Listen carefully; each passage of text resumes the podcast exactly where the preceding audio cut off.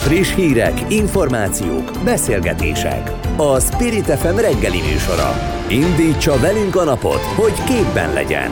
A mikrofonnál Rónai Egon. Május 11-én kívánok Önöknek kellemes napot, ez egy csütörtök reggel, a Ferencek és az Adolfok névnapja, és egy olyan nap, amikor meglehetősen kellemes az időjárás, de lesz ez másképp is este majd, sőt van, ahol már délután, főleg nyugaton elered az eső, úgyhogy ha valaki késő este ér majd csak haza, akkor nem baja van nála egy esernyő. A közlekedésről hallottak, és majd még fognak is, elég nagy a forgalom az időponthoz képest most Budapest útjain, és hogy mi lesz egyébként a műsorban, azt is szívesen mondom önöknek. Munkaügyekkel foglalkozunk rögtön az elején, a Mi Hazánk munkaügyi kabinetjének elnökét hívom, aztán egy érdekes hír nyomán amerikai körképet kapunk eh, arról, hogy hogyan is áll a két oldal párviadala. Most igazából az érdekes hír az nem más, mint hogy Donald Trumpot elítélték a bíróságon egy zaklatási, szexuális zaklatási ügyben. Ebből a szempontból különösen érdekes, hogy milyen megbocsájtó, vagy mennyire nem megbocsájtó az amerikai társadalom. Na, ennek járunk majd utána. Debrecen újabb akkumulátorgyárral gazdagodik. Ez azért is érdekes, mert ez egy kicsikét olyan, mint a meghosszabbítjuk bicskéig mondás. Tehát ha a Debreceni akkumulátorgyár miatt nagy a tiltakozás, jó, akkor adunk még egyet oda.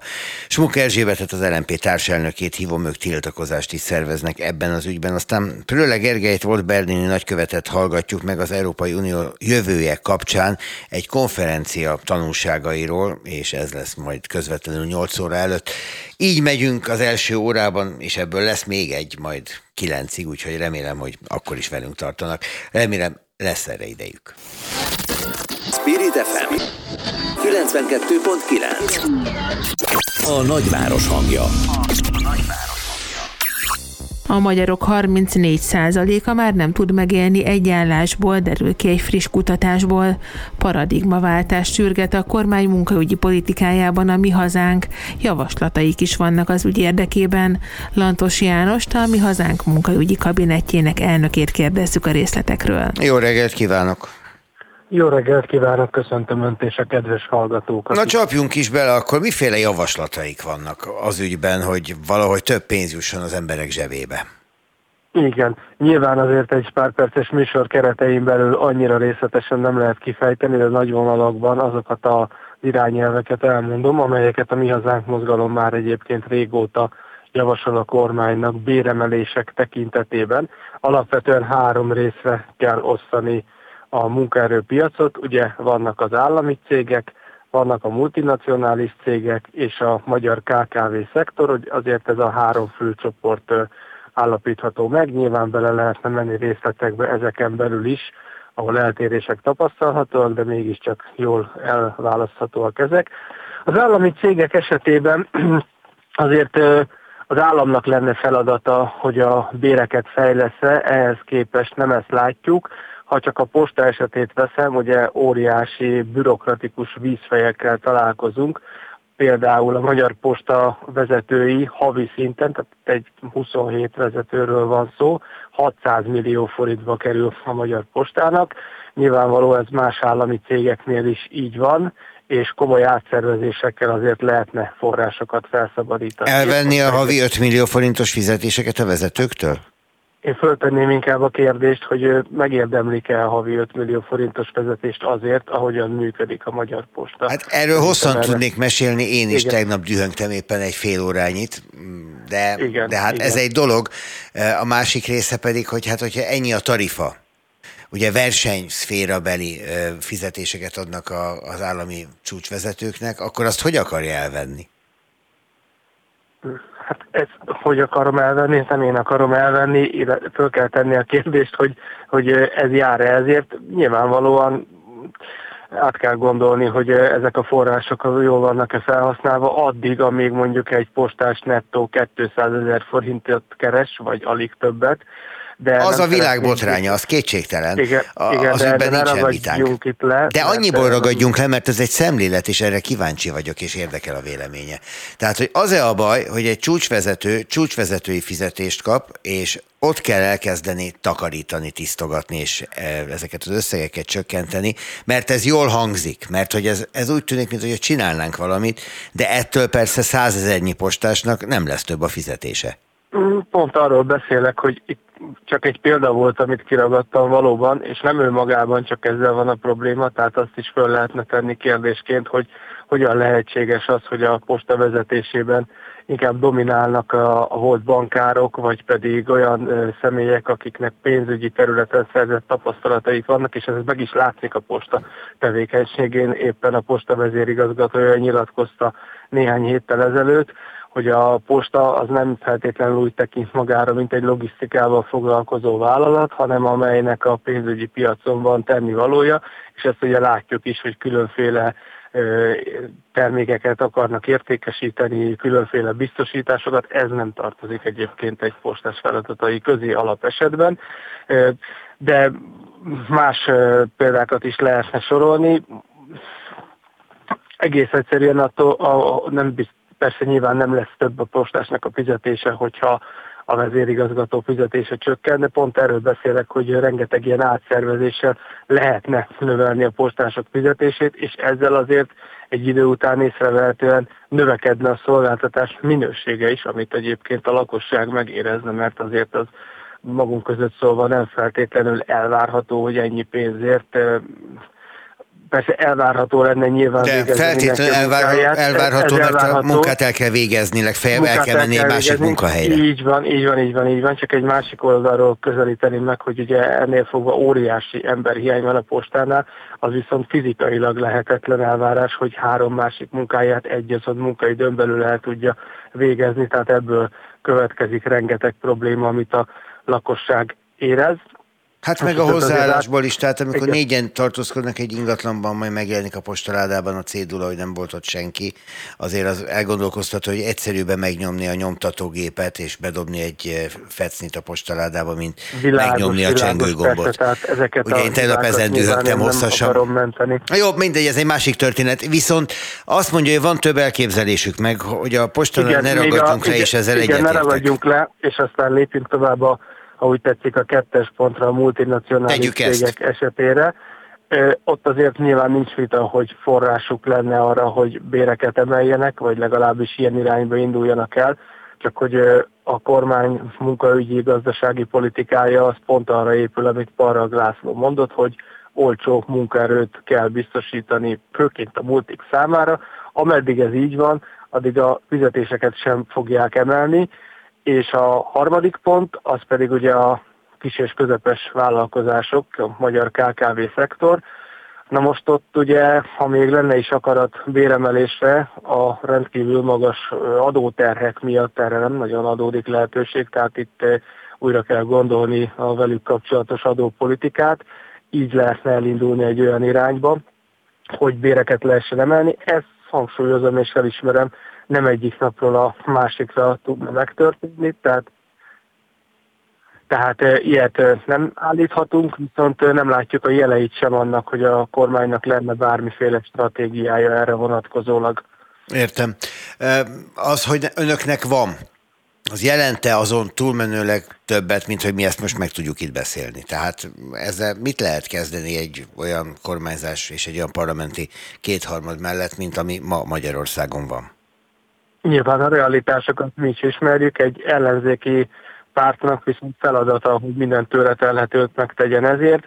E, főként azért is, hogy a választópolgároknak kínáljunk egy víziót, egy jövőképet, amely által akár már a következő választáson a hazánk mozgalom olyan pozícióba juthat, olyan választási eredmények születhessenek, hogy ennél jóval nagyobb hatása legyen az eseményekre. Na, ha már itt tartunk, várjon, itt van egy Friss Závec Research kutatás, ez szerint a harmadik helyen állnak, biztos bejutóként eh, lennének a választókorú lakosság 6%-át maguk mögött tudva, eh, hogyha most lennének a választások. A biztos választók körében pedig 7%-ot mért az Závec. Ez elég? Igen, de volt, én nem gondolom, hogy ez lenne a valós egyébként, tehát néhány héttel ezelőtt pedig olyan közvéleménykutatási adatok is kijöttek, amelyek 10-12 százalékra mérték a mi hazánkat, de hát emlékezzünk rá, hogy a választások előtt alig volt közvéleménykutató, aki a mi hazánk parlamentbe jutását jósolta volna úgyhogy ezekkel különösképpen én nem szoktam foglalkozni. Akkor kérdezek mást, ami viszont meglepő volt. Duro Dura a Russia Today-nak nyilatkozott, a párt alelnöke ugye úgy vette ehhez a, a hát bátorságot, nem biztos, hogy ez egy jó kifejezés, hogy az Európai Unióból ki van tiltva a Russia Today, és gyakorlatilag odaítél, ígérte, vagy odaígérte nézőpont kérdése Oroszországnak Ukrajna egy jelentős részét. Ez a párt eh, hivatalos álláspontja, vagy Duro Dura saját ötlete? Azért ezt egy erős kifejezésnek, megfogalmazásnak érezném, hogy oda ígérte, így tálalták abba a liberális sajtóban. Durodóra Miért nem ezt mondta? Mond, tehát Durodóra nem ígérhet nyilván oda területeket, hiszen ö, nem rendelkezik Ukrajna területei felett. Egy ö, nagyon is reális álláspontot fogalmazott meg, amelyet egyébként ö, nem egyedül ő fogalmaz meg a világban, hogy, hogy ahhoz, hogy a háború véget érjen, ahhoz béketárgyalásokra van szükség, és akkor adott esetben Ukrajnának nyilván területekről kell lemondania ahhoz, hogy, hogy ez a béke megköttessék, ennyit mondott. Hát ha az ukránokat kérdezik, ők egész másképp gondolják ezt, hogy nekik mit kellene odaadniuk Oroszországnak. Mondott még más is egyébként, azt is mondta, hogy csak akkor egyeznek bele önök a mi hazánk Ukrajna NATO csatlakozásába, hogyha Vladimir Putyin orosz elnök is beleegyezik abba. Fel is hívják ez ügyben? Nem, de elsősorban a mi hazánk mozgalom, és másodszorban, és harmadsorban is a kárpátaljai magyarok ügyét helyezi az e, a legfontosabb helyre, tehát ebből a pozícióból kiindulva. És a kárpátaljai magyaroknak azt gondolja, hogy nem az lenne az érdekük, hogy védelmet kapjanak akár a NATO-tól, hogyha ha ez kivitelezhető?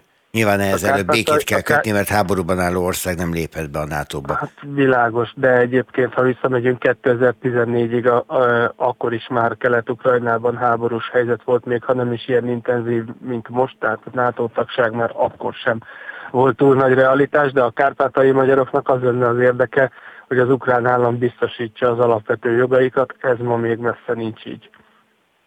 Jó, de e, igazából erre nem válaszolt, ezzel nem válaszolt nekem arra a kérdésemre, hogy mi köze van Vladimir Putyin orosz elnök beleegyezésének az önök álláspontjához?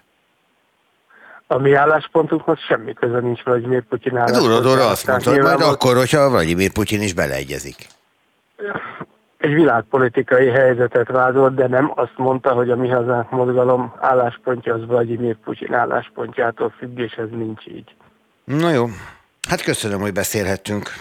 A, amit, amit elmondott a munkaügyi problémákról, az teljesen helytálló helyzetkép nyilvánvalóan, úgyhogy kíváncsian várom, hogy tudnak-e ez ügyben hatni bárhol, bármelyik politikai tényezőre. Lantos János, a Mi Hazánk munkaügyi kabinetjének elnökét hallották az előbb a vonalban. Köszönöm, minden jót! Én is köszönöm, minden jót! Spirit FM 92.9 A nagyváros hangja. A nagyváros. Ítéletet mondtak Donald Trump felett egy évtizedekkel korábbi zaklatási ügyében. Biden az első olyan amerikai államfő lesz, aki Pápua új Guineába látogat. Milyen hatással lenne egy technikai csőd?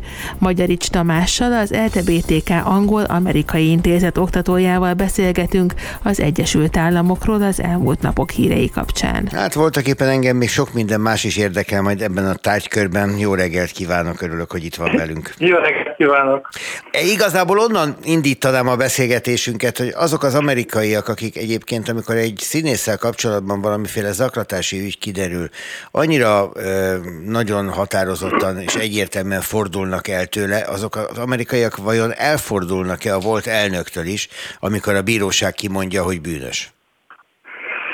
Nem kellett volna a bíróságnak eh, kimondani ahhoz, ahhoz, hogy eh, az emberek elforduljanak, vagy ne forduljanak el, mert 2016-ban eh, ugyancsak eléggé sok olyan zaklatási és egyéb ügye fölmerült Donald Trumpnak, ami elegendő lehetett volna ahhoz, hogy ilyen alapon elforduljanak tőle. Emlékeztetnék arra, hogy előkerült az a videó még 2005-ből talán, amikor meglehetősen dehonestálóan beszélt nőkről, és arról, hogy a híresek mi mindent engedtetnek meg velük szemben. Tehát nagyon sok amerikainak, a, legalábbis a politikusoknak a kapcsán ez úgy látszik, hogy nem üti meg azt a mértéket, hogy elfordulnak tőle. Itt azt hiszem, hogy arról van szó, hogy nagyon beállt a két pártnak a támogatottsága a republikánusok és a, a demokratáké, e, és e, hát úgy is lehet fogalmazni, e, hogy a demokraták megválasztanák Caligula a szamarát, és a, a republikánusok Caligula a elefántját, majdnem, hogy minden több függetlenül, tehát az, hogy mennyire erkölcsileg, politikailag, vagy akár hát Biden esetében fizikailag, szellemileg alkalmas a posztra, Sajnos az amerikai politikát és a közéletnek a romlás ez ilyen szempontból is megfigyelhető. Az, hogy az amerikai politika, hát hogy mondjam, csak hullámzó maradjunk talán ennél a kifejezésnél. Igen. Legalábbis a korábbi demokrácia képhez képest, amit Amerika sugárzott önmagáról, az mennyire befolyásolja az Egyesült Államoknak a, a világban elfoglalt szerepét, annak a súlyát mennyire befolyásolja? Ez mindig egy vita kérdése, hogy egy adott országnak a belpolitikája az mennyire befolyásolja és mennyire van kapcsolatban a külpolitikával, hogy most a hidegháborúra menjek vissza, mint eléggé közeli élményre. A hidegháború legalábbis a történetek között alapvetően az embereknek a szívét és az eszét folyt, ugye a Heart and Minds.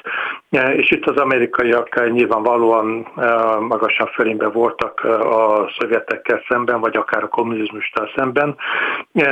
Tehát az, hogy egy ország külpolitikailag milyen megítélés alá esik, az nagyon nagy mértékben függ attól, hogy milyen a belpolitikája, illetve milyen modelleket tud a többiek elé tárni, hogy azok megfelelően attraktívak-e, vagy nem attraktívak. Hát itt, itt is sajnos az utóbbi időben vannak bizonyos bizonyos, ahogy ön is fogalmazott, hullámzások finoman szólva. Hmm.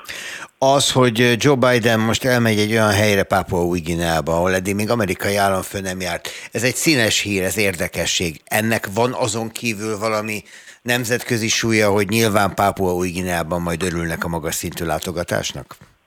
Igen, ez mindenképpen egy komoly nap lesz Pápa Új-Guinea életébe.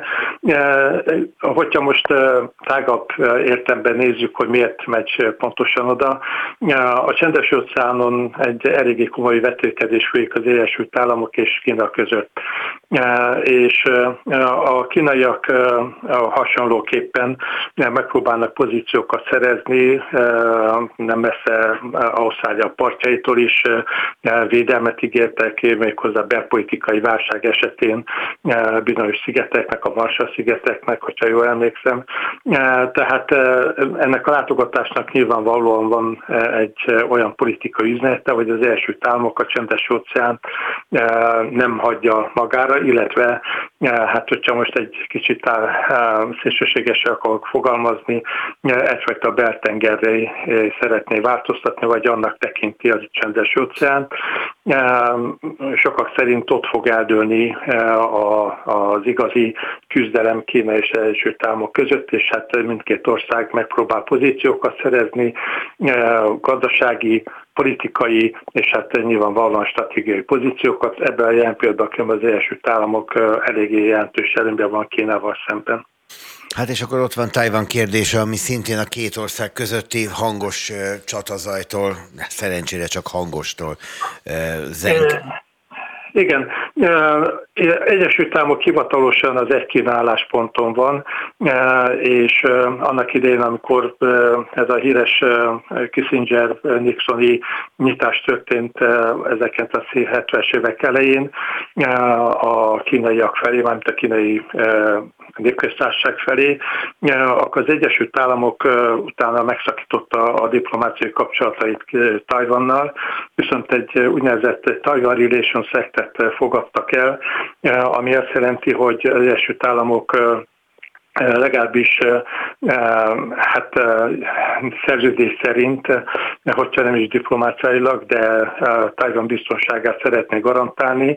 Elég jelentős fegyveradások vannak, az amerikai haditengerészet mindig a közelben van, többfajta olyan összütközésre került sor Tajvan közelében, a tajvani szorosba, legalábbis lövésig nem mentek el, de de szimbolikusan például a kínaiak ismételten megsértik Tajvan légterét, az amerikai haditengészet felvonul ilyenkor, hogy eredten csak kínaiakat. Ez valóban egy olyan kérdés, amit nagyon nehéz lesz megoldani, hogy csak kínaiak Tajvan Kína részének tekintik, és mindössze legalábbis a szempontjunkban a kérdés az, hogy ezt erővel vagy nem erővel próbálják megoldani.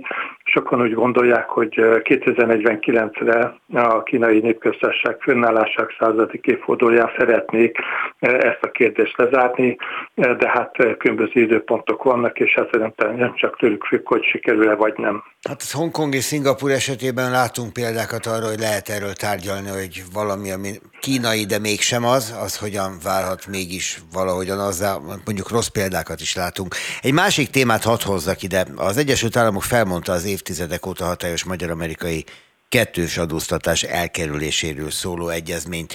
Ez a hírek szintjén nem túl izgalmas.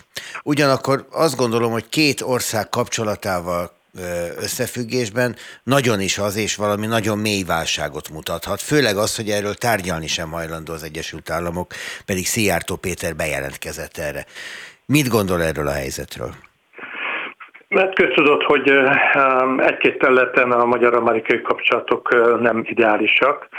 Hát nyilvánvalóan a politikai szint az közismert. Ez ilyen pillanatban tulajdonképpen valóban gyakorlati szempontból olyan óriási különbségeket és változásokat nem jelent, viszont szimbolikusan igen, az első Államok feltétlen ugyan üzetet kívánt küldeni a, a magyar kormánynak, hogy nem teljesen elégedett annak teljesítményével, vagy legalábbis bizonyos területeken mutatott teljesítményével, mert azért hangsúlyozni kell, hogy minden ellenkező híresztésre szemben a védelmi hírszerzési együttműködés az nagyon jó.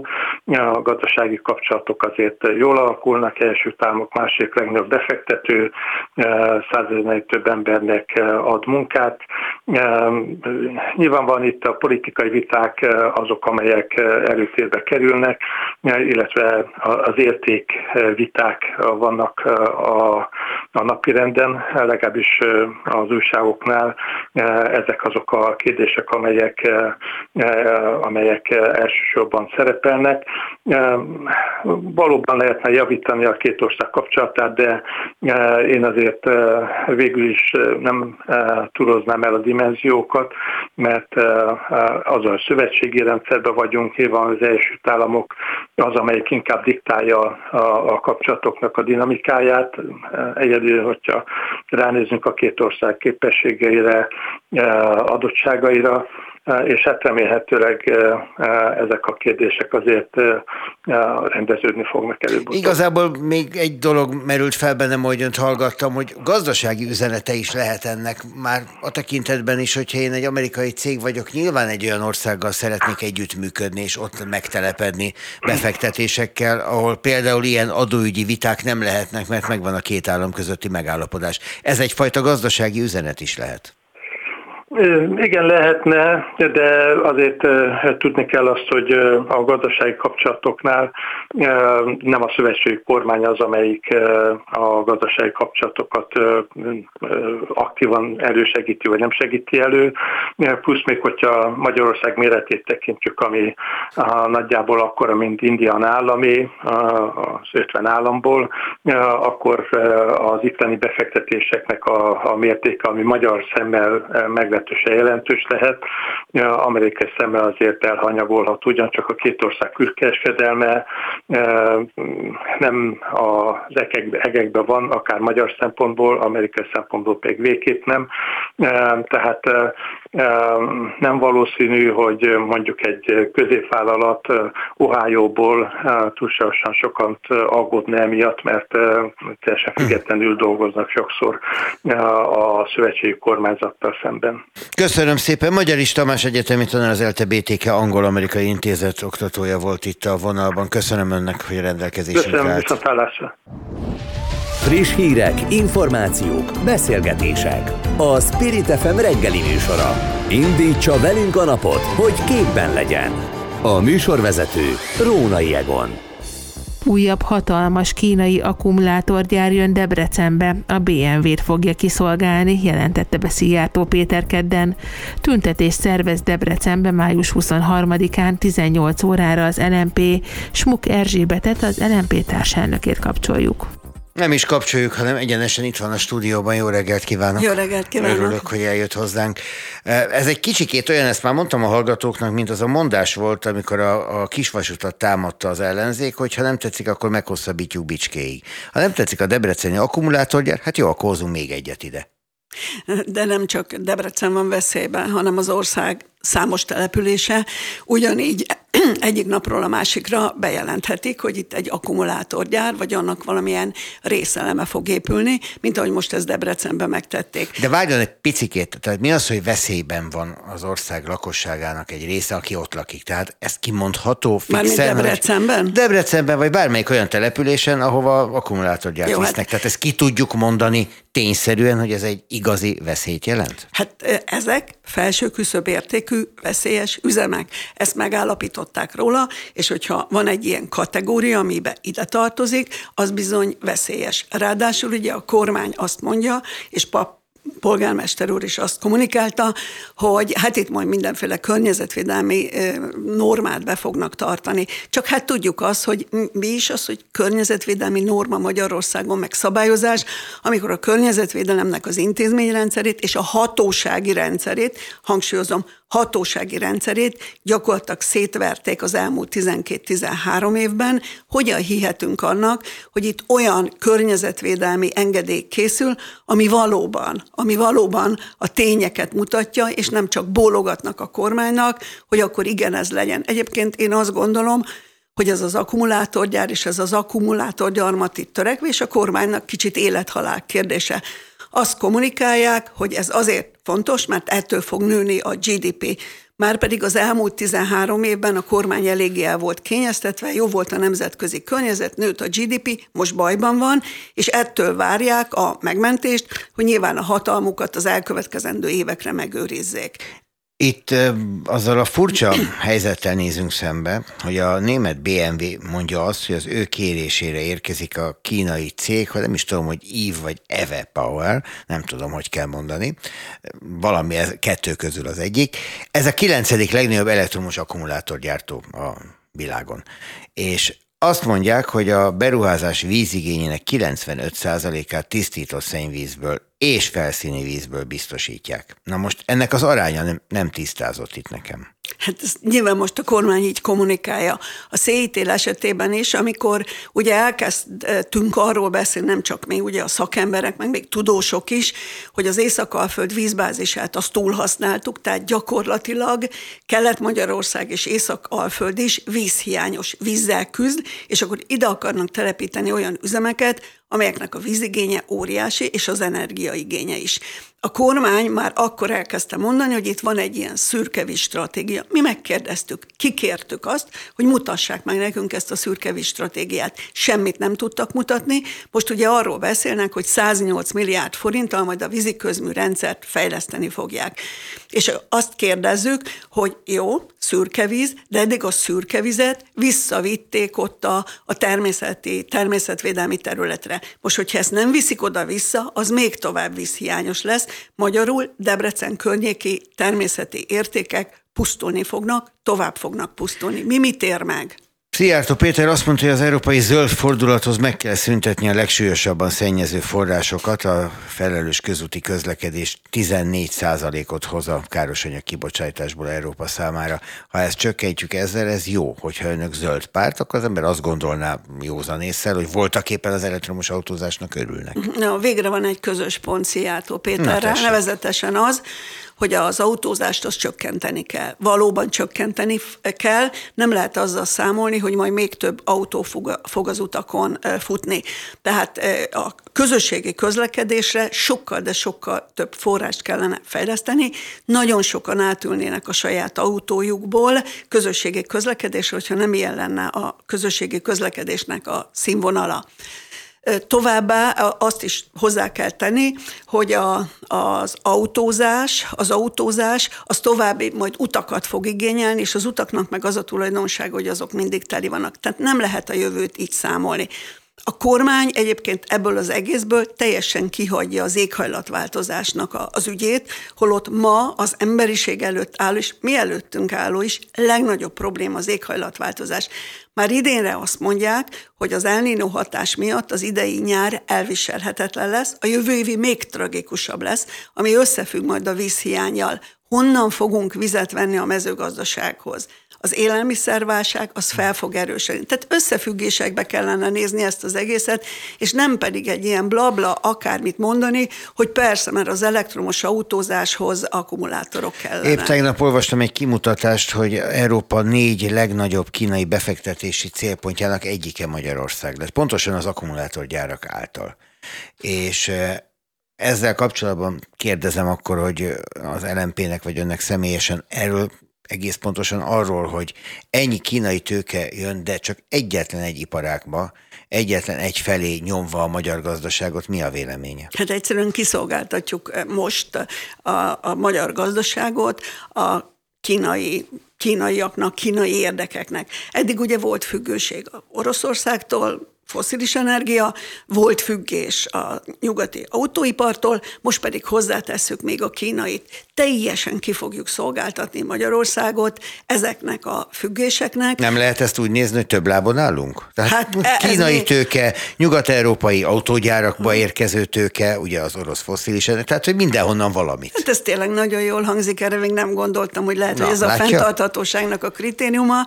Orbán Viktor, emlékszem rá, az országgyűlésbe felszólalt a Covid idején, hogy most már Magyarország gazdaságát sok lábra kellene állítani, mert vicc kategória az, hogy csak néhány dologtól függünk. Na, vége lett a Covidnak, ezt most már elfelejtették, továbbra is a járműgyártás, autóipartól függünk, elfogadható. Az nem lehet hosszú távú megoldás? Hát azt gondolhatjuk, hogy az autó, autóipart, az autózást magát csökkenteni kell, de az autóipar az virágzó ágazatnak látszik évtizedekre előre. De a kérdés az, hogyha megnézzük az autógyártásnak a különböző elemeit, ugye ehhez tartozik az akkumulátorgyártás is, ez a lehető legkörnyezetterhelőbb, most Magyarországra kell az összeset hozni? Tehát itt azért az a kérdés, hogy egy legszennyezőbb elemét az autógyártásnak, azt most itt Magyarország fogja legyártani. Tehát nem kellene akkor azon gondolkodni, hogy ebből a teherből más országok is vegyék ki a részüket? Hát akkor itt van mellette az érve a GDP növekedés, ön is említette, hogy erre hivatkozik a kormányzat, és ez egy nagyon fontos elem a kormány gondolkodás módjában. Meg a foglalkoztatás, ugye ez az új kínai akkumulátorgyártó ezer ember foglalkoztatását ígéri. Csak és, ez a most. És kivállal arra garanciát például, hogy ott helybeli emberek fogják ezt a munkát kapni. A másiknál is már a CITL azt nyilatkozta, hogy először elsősorban kínai munkásokat fognak idehozni, aztán automatizálnak, és a végén majd marad valami, amit esetleg magyar munkaerő tölthet be. Tüntetés, tüntetés szervez az LMP, ott lesz? Biztosan ott leszek. Erről mit lehet tudni? A dátumot én mondom, május 23-a 18 óra Debrecen, de ezen túlmenőleg mit lehet egy tüntetéssel elérni akkor, amikor láthatóan semmi nem befolyásolja a kormány döntéseket? Hát én azt gondolom, hogy azért jelzést mindenképpen lehet küldeni, és jelzést kell is küldeni a kormánynak, hogy itt ezzel a programmal a helyiek, és nem csak a helyiek, általában máshol sem, a felnőtt lakosság nem ért egyet. Egy felmérésünk szerint a felnőttek, felnőtt lakosság több mint 50%-a nem akar új akkumulátorgyárat. Készítettünk erről egy közvéleménykutatást. Ebben van különbség, hogy a fiatalok mennyire és az idősebbek mennyire? Mennyi, azt szokták mondani, hogy a fiatalok sokkal környezettudatosabbak. Én nem, ne, ne, tehát nem tudom ezt a részletet, hogy van a kettő között különbség. Egyébként a fiatalok nyilván jobban aggódnak a jövőjék miatt, hiszen tovább fognak még élni feltehetőleg, és nem mindegy, hogy milyen, milyen körülmények között fognak élni. A másik pedig az, hogy ne felejtsük el, közeledünk 2024 önkormányzati választás lesz. Én azt gondolom, hogy pap polgármester úr nem lehet ilyen, hogy nem érdekli lehetne sokféle szóval, jelzővel ezt illetni, hogy mennyire nem érdekli a helyi embereknek az akarata, Jövőre azt gondolom az önkormányzati választáson erről az emberek, helyi, helyi emberek ítéletet fognak mondani. Smunk Erzsébet volt itt a stúdióban a vendégünk, az LMP társelnöke. Köszönöm szépen, hogy Köszönöm eljött szépen. hozzánk. És akkor pillanatokon belül friss közlekedési éreket hallanak. Spirit FM 92.9 A nagyváros hangja. Az Unió múltjából leszűrt tanulságokból keresgélték Európa jövőjét a Nemzeti Közszolgálati Egyetem konferenciáján a szakemberek. Prőle Gergelyt, az intézet igazgatóját kapcsoljuk. Ez a mondat ez annyira szép volt, hogy igazából már csak érteni kellene, hogy a múltból mi következik, és hát pont ezért hívtuk Prőle Gergelyt, hogy ezt elmondja nekünk. Jó reggelt kívánok! Igen, köszönöm, jó reggelt kívánok. Nekem is nagyon tetszett, könnyekig meghatódtam, különösen a, különösen a keresgélték, a keresgélték kifejezés. Na de a kérdés, hogy megtalálták-e? Nagyon, találó, nagyon találó volt. Hát az egésznek egy eh, Habsburg Otto könyv a, a, az alapja, aminek az a címe, hogy amikor a jövő elkezdődött. És voltak éppen itt nem szól másról ez a ez a cikkgyűjtemény, amit ő egy könyvé alakított, tehát 1971-ben, nem sokkal azelőtt, hogy a Pán-Európai Unió elnökévé választották, ami voltak éppen azt firtatja, hogy az európai történelem mely részei mutatnak az integráció felé, a nagyobb egységek létrejötte felé, és mely részei mutatnak a nemzeti önállóság és ennek következtében a nemzetek közötti ellentétek felé. És voltak éppen Ebből kiindulva gondoltuk azt, hogy leültetünk néhány olyan szakértőt, akik ebben tudományosan foglalkoznak, és néhány olyan magyar politikust, ők voltak Navracsics Szigor, Mustó István és Hiller István, akiknek van bizonyos történeti tudásuk, ne felejtsük el Hiller István történész professzor, Mustó István gazdaságtörténész professzor, 90 éves, ráadásul végigkísérte az Európa integráció teljes történetét, hogy próbáljunk meg ebből valamiféle tanulságot levonni, különösen annak fényében, hogy ugye 30 éves a Maastrichti szerződés, ami végül is ennek a két folyamatnak, tehát az egységesülésnek és a nemzeti önállóság megtartásának a kompromisszumoként jött létre.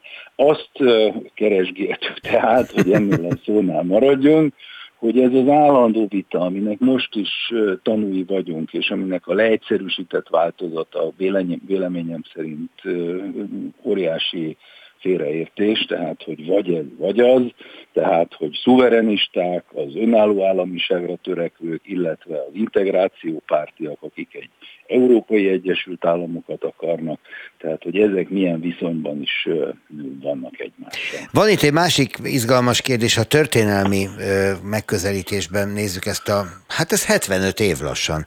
Ezt a 75 évet, ami az Európai Unió története, még ha megalakulása nem is ennyi időre tehető vissza. Szóval, hogy voltak itt a magállamok azok, amelyek megalapították az Európai Uniót, és ahol nagyon sokan úgy néznek a frissen csatlakozott a, a rendszerváltások után csatlakozott keleti tagállamokra, mint a bárcsak ne jöttek volna, mert azóta csak a baj van. Ugyanakkor, ugye itt van ennek a keleti tömb, ahol nagyon sokan úgy élik meg, miközben nagyon vágytak korábban erre az Európai Uniós egységre, hogy azóta csak baj van. Tehát, hogy, hogy mind a két oldal érez olyan hiányokat, amik nem segítik elő az együttműködést. Ugye mindenkor hajlamos arra, hogy a saját rendkívüliségét és egyedülállóságát hangsúlyozza, a magyar közélet pedig különösen hajlamos arra, hogy egyfajta ilyen sérelmi politizálástól indítatva úgy tekintsen magára, mint aki ugye, ahogy a bánkbánban elhangzik, nincs a teremtésben más vesztes, csak én. De, de hát ez maga a kormányzati program, amit most mondok. Ja nem, jó, oké, menjünk tovább. Tehát a, a én azt gondolom, hogy éppen ezért fontosak az ilyen, az ilyen visszatekintések. Hisz ne gondolja senki azt, hogy valamiféle ilyen jótét lélek magatartás volt, hogy milyen szép is lesz megalapítani ezt a szén és acél közösséget, mert akkor majd ö, szent lesz a béke. Nyilván a béke törekvés, tehát hogy a kontinensen belül béke legyen, az mindig egy fontos ö, szempont volt, de ezeknek az alapító tagállamoknak is súlyos nemzeti érdeke fűződött ahhoz, hogy összeálljanak. A franciák nagyon rossz állapotban voltak gazdaságilag, viszont meg volt a politikai cselekvőképességük, így győztes hatalom voltak. A németek vesztesek voltak, viszont gazdaságilag jobban álltak. Az meg viszont végig egy szempont volt, ezt mindig a NATO alapítására szokták mondani, de azért voltak éppen itt az európai integrációban is erről van szó, hogy ne ismétlődjön meg az, ami a második világháború kitöréséhez vezetett, tehát végső soron ez egy, ez egy béke projekt volt kezdettől fogva. Na most, amit a csalódottságról mond, az pedig nagyon fontos, hogy azt lássuk, hogy bármekkora balhé van adott esetben most Magyarország és az Európai Unió között balhék mindig voltak. Azért amikor De Gaulle tábornok felállt és azt mondta, hogy most pedig addig nem jövök vissza, amíg nem az történik, amit, amit én mondok, amikor ugye népszavazások csúsztak félre tagállamokba, gondoljuk csak Hollandiára, Franciaországra.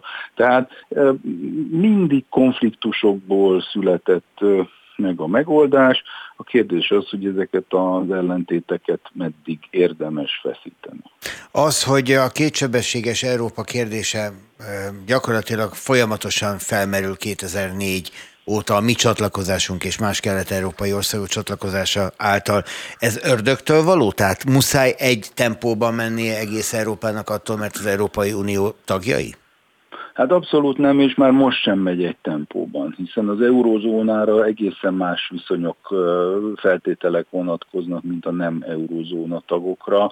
Ez az, ez, a, ez az első és legnyilvánvalóbb különbség a tagállamok között, de ezen kívül is még nyilván számos különbség lehet, például, hogy a Schengeni térséghez tartozik, vagy hogy nem tartozik a Schengeni térséghez. Tehát ugye a négy szabadság elve az vajon mind maradéktalanul érvényesül, avagy sem. Tehát különbségek mindig voltak, az igazi dilemma mostanság ugye az kicsit az, mint ami a csatlakozási időszakban volt. Tehát, hogy politikai szempontok vezéreljék elsősorban, vagy valóban legyenek olyan kritériumok, ami gazdaságilag működtethetővé teszik ezt az európai projektet.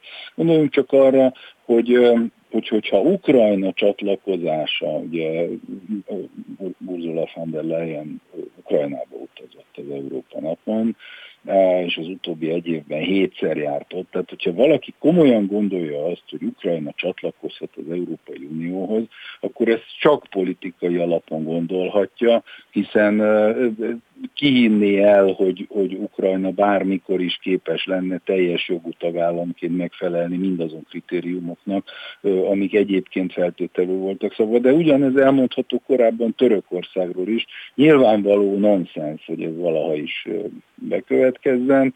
A politikai érvek, illetve a gazdasági működőképességnek a dilemmájában örlődik időről időre a szervezet, és minden tagállam. A kérdés, hogy melyik győz.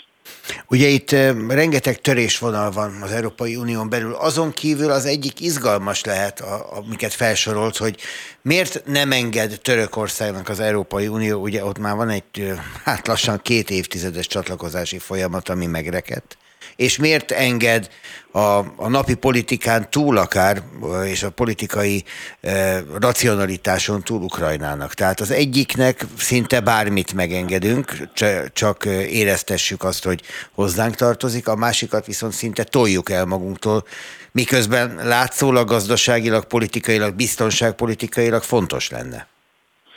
Hát ugye a nagyobb probléma az, hogy most már ez a lelkesedés Törökországban is inkább alább hagyott.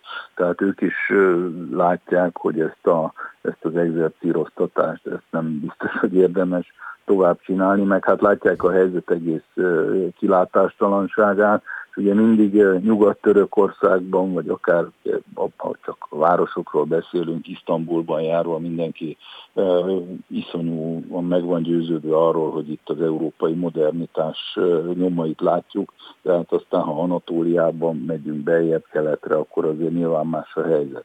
Ukrajnában ne felejtsük el, háború van. Tehát ott, ott ugye azt nem nagyon mondjuk, és talán jó is, ha nem mondjuk, hogy a NATO-hoz kéne csatlakoznia, mert nem olajat kell önteni a tűzre. Valamilyen módon az, hogy ők nagyon szeretnék, és azt is hallottuk, hogy akkor Zelenszky elnök bejelentett, hogy ezentúl ők is ünneplik az Európa napot. Ezek gesztusok, ezek olyan szimbólumok, olyan jelzések, amik a diplomáciában fontosak lehetnek, de hát azért ne felejtsük el, hogy ez ennek ellenére távol van a realitástól. Ugye Magyarország számára is ugye nálunk tényleg ez egyfajta, talán az utolsó nagy konszenzus volt a, az elmúlt évtizedekben, hogy az euróatlanti csatlakozást azt mindenki akarta. Mégis azért az, hogy 1990 után, vagy mondjuk azt a, a határnyitás után, a vasútgény leomlása után 15 évnek kellett eltelnie addig, amíg Európai Uniós tagok lettünk, mi itt, akik hát azért elég konszolidált körülmények között élt éltünk, élünk, és nem is volt annyira rossz a gazdasági helyzet sem, mint hogyha mondjuk Ukrajnára tekintünk, akkor ez a 15 éve ez azért jelzi a realitásokat. És az a realitás megvan még ma a magyar társadalomban, hogy nincs más utunk? Tehát ön úgy gondolja, hogy ebben a meggyőződésünkben nem változtunk? Én nagyon fontosnak tartom, hogy ez, hogy ez ne változzon, és akkor is, amikor kritikát fogalmazunk meg bizonyos Európai Uniós jelenségekkel szemben, amelyek valóban a szerződésekhez és az intézmények alapfunkciójához képest egyfajta, hát hogy mondjam, furcsa kinövést jelentenek. Tehát ha az Európai Bizottságnak túlzott politikai ambíciói vannak, az helytelen, hiszen az ő feladata az, hogy a szerződések őre legyen. Na most viszont az is nagyon helytelen lenne, hogy, hogyha a fürdővízzel együtt rögtön ki szeretnénk önteni a gyereket is. Magyarországnak létérdeke az Európai Uniós tagság, és a jelenlegi helyzetünkben pedig azt gondolom, hogy mindennél fontosabb az, hogy a, a, nem csak az európai intézményrendszer, hanem a, az európai közvélemény pozitív megítélését és jó indulatát megtartsuk, visszaszerezzük. Prőle Gergelyt hallották az aktuál hallgatóit, a Spirit fm a Nemzeti Közszolgálati Egyetem Stratégiai Tanulmányok Intézete igazgatóját. Köszönöm szépen! Én is köszönöm minden Viszont hallásra. Rögtön 8 óra, úgyhogy nem sokára majd hírek, aztán folytatjuk az aktuált. Friss hírek, információk, beszélgetések. A Spirit FM reggeli műsora. Indítsa velünk a napot, hogy képben legyen. A mikrofonnál Rónai Egon. Így van, 8 óra 7 perc. Jó napot kívánok, és egy olyan napon, amely csütörtök és május 11-e, amíg nem néztek a naptára, hogy jelente ez bármit, azt nem tudom. Akinek névnapja van neki, nyilván igen, ő a Ferenc meg az Adolf névre hallgathat, akit ma ünnepelhetnek, úgyhogy tegyék ezt meg. Mondom, hogy mi lesz, van itt vicces, és hát az sem egészen az, meg nagyon is komoly és izgalmas kérdéskör. Az egyik például az elővásárlási jog az állam számára bizonyos építőanyagok tekintetében. Ehhez tartozik olyan mondás is, ami, ami hát egészen furcsa, tehát a magyar anyagból magyar munkással magyar házat építsünk. Jó, hát magyarokat a gátra. Aztán beszélgetünk majd arról, hogy Hát ezt gondolom én őszintén szóval inkább viccesnek, mint tragikusnak, bár ettől még kellemetlen. Beperelte az átlátszót, az egy internetes portál, egy ilyen oknyomozó portál, kiváló egyébként, az erdő nélküli erdőt mutató lomkorona sétáiról elhíresült polgármester, hogy mit talált, ami sértő azon állítások körében, amit az átlátszó megfogalmazott vele kapcsolatban, ez önmagában érdekes lehet, mert milyen állítás van, ami ebben az ügyben sértő lehet, ugye?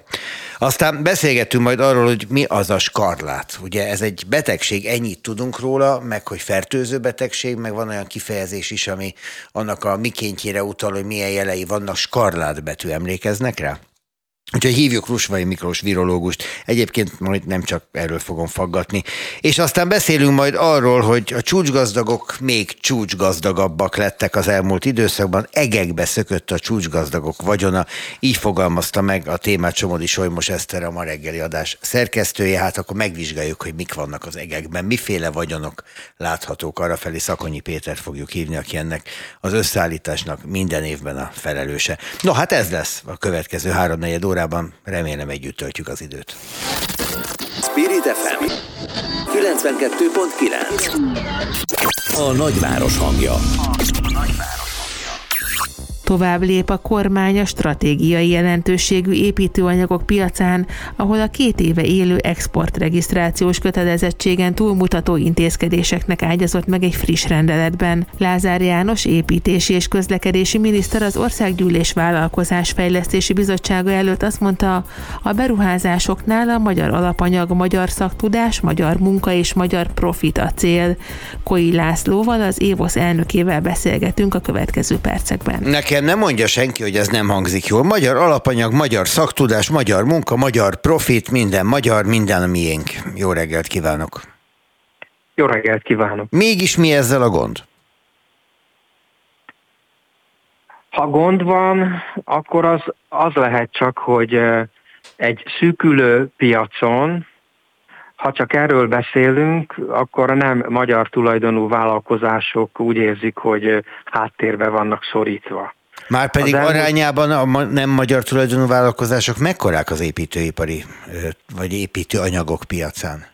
Hát az építő anyagok piacán nem mondhatjuk, hogy hátrányban vannak szorulva, mert 80%-os nagyságrendben külföldi tulajdonban Hoppá. vannak az építő anyaggyártók és építési termékeket előállító, Magyarországon előállító cégek. Tehát amikor tehát... arról beszélünk, hogy magyar, magyar, magyar, magyar, tehát most nem sorolom újra alapanyagtól profitig, akkor voltak éppen arról beszélünk, hogy ez lehetetlen, mert ahhoz az kellene, hogy ezek a cégek kivonuljanak, és a helyükre tőkeerős, kiváló magyar vállalkozások lépjenek be. Hát, hogyha a szélsőségekben gondolkodunk, így is lehet fogalmazni, de a mi értelmezésünkben a dolog nem így hangzik, hanem úgy, hogy a 20%-os magyar tulajdonút lehet-e esetleg bővíteni.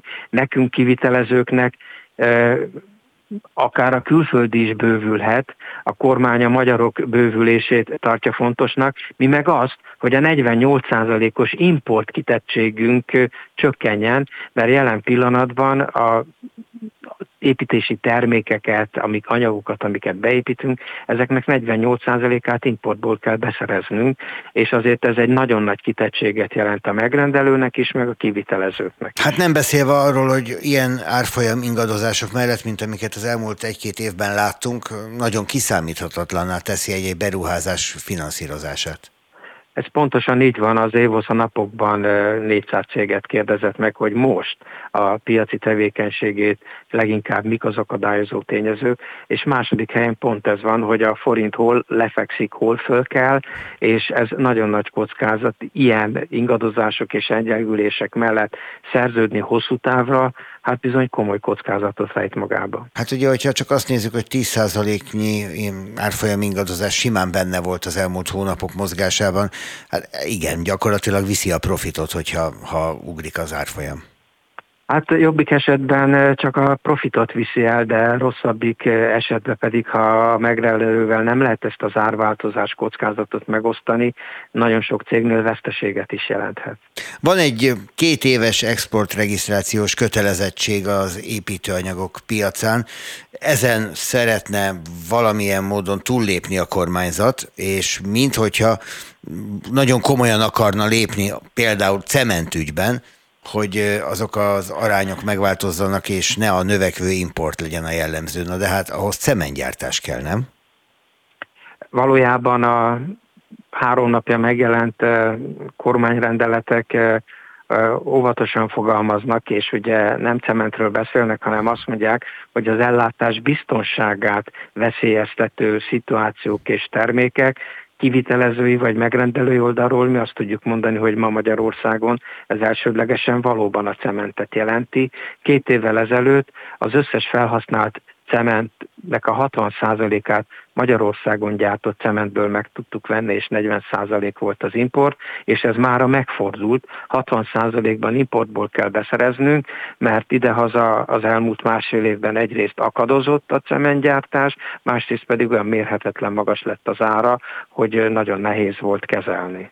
Kérem, hogy értelmezzenem egy mondatot, hát ha ön pontosan értő, hogy mi van e mögött. Ez egy szokásos bigfa nyelven megfogalmazott mondat, a hallgatóktól ele, eleve elnézést kérek.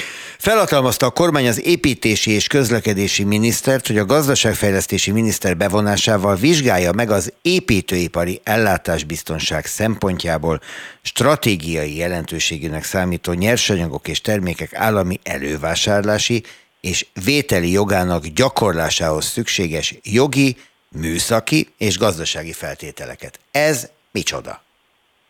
Amiről már az előbb is utaltam, hogy meg kell nézni egyrészt, hogy van-e olyan építési termék most, vagy a jövőbe lehet-e eh, amiből nincs elegendő, vagy bonyolult beszerezni. És akkor az állam csinál egy gyárat hozzá?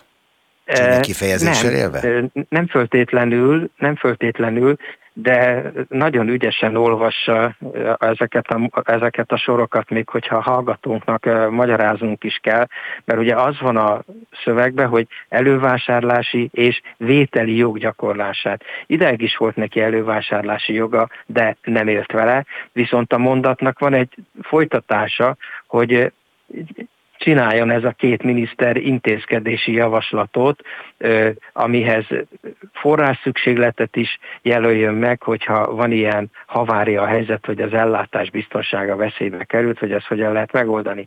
A cement esetében nyilvánvalóan két nagy lehetőség lenne.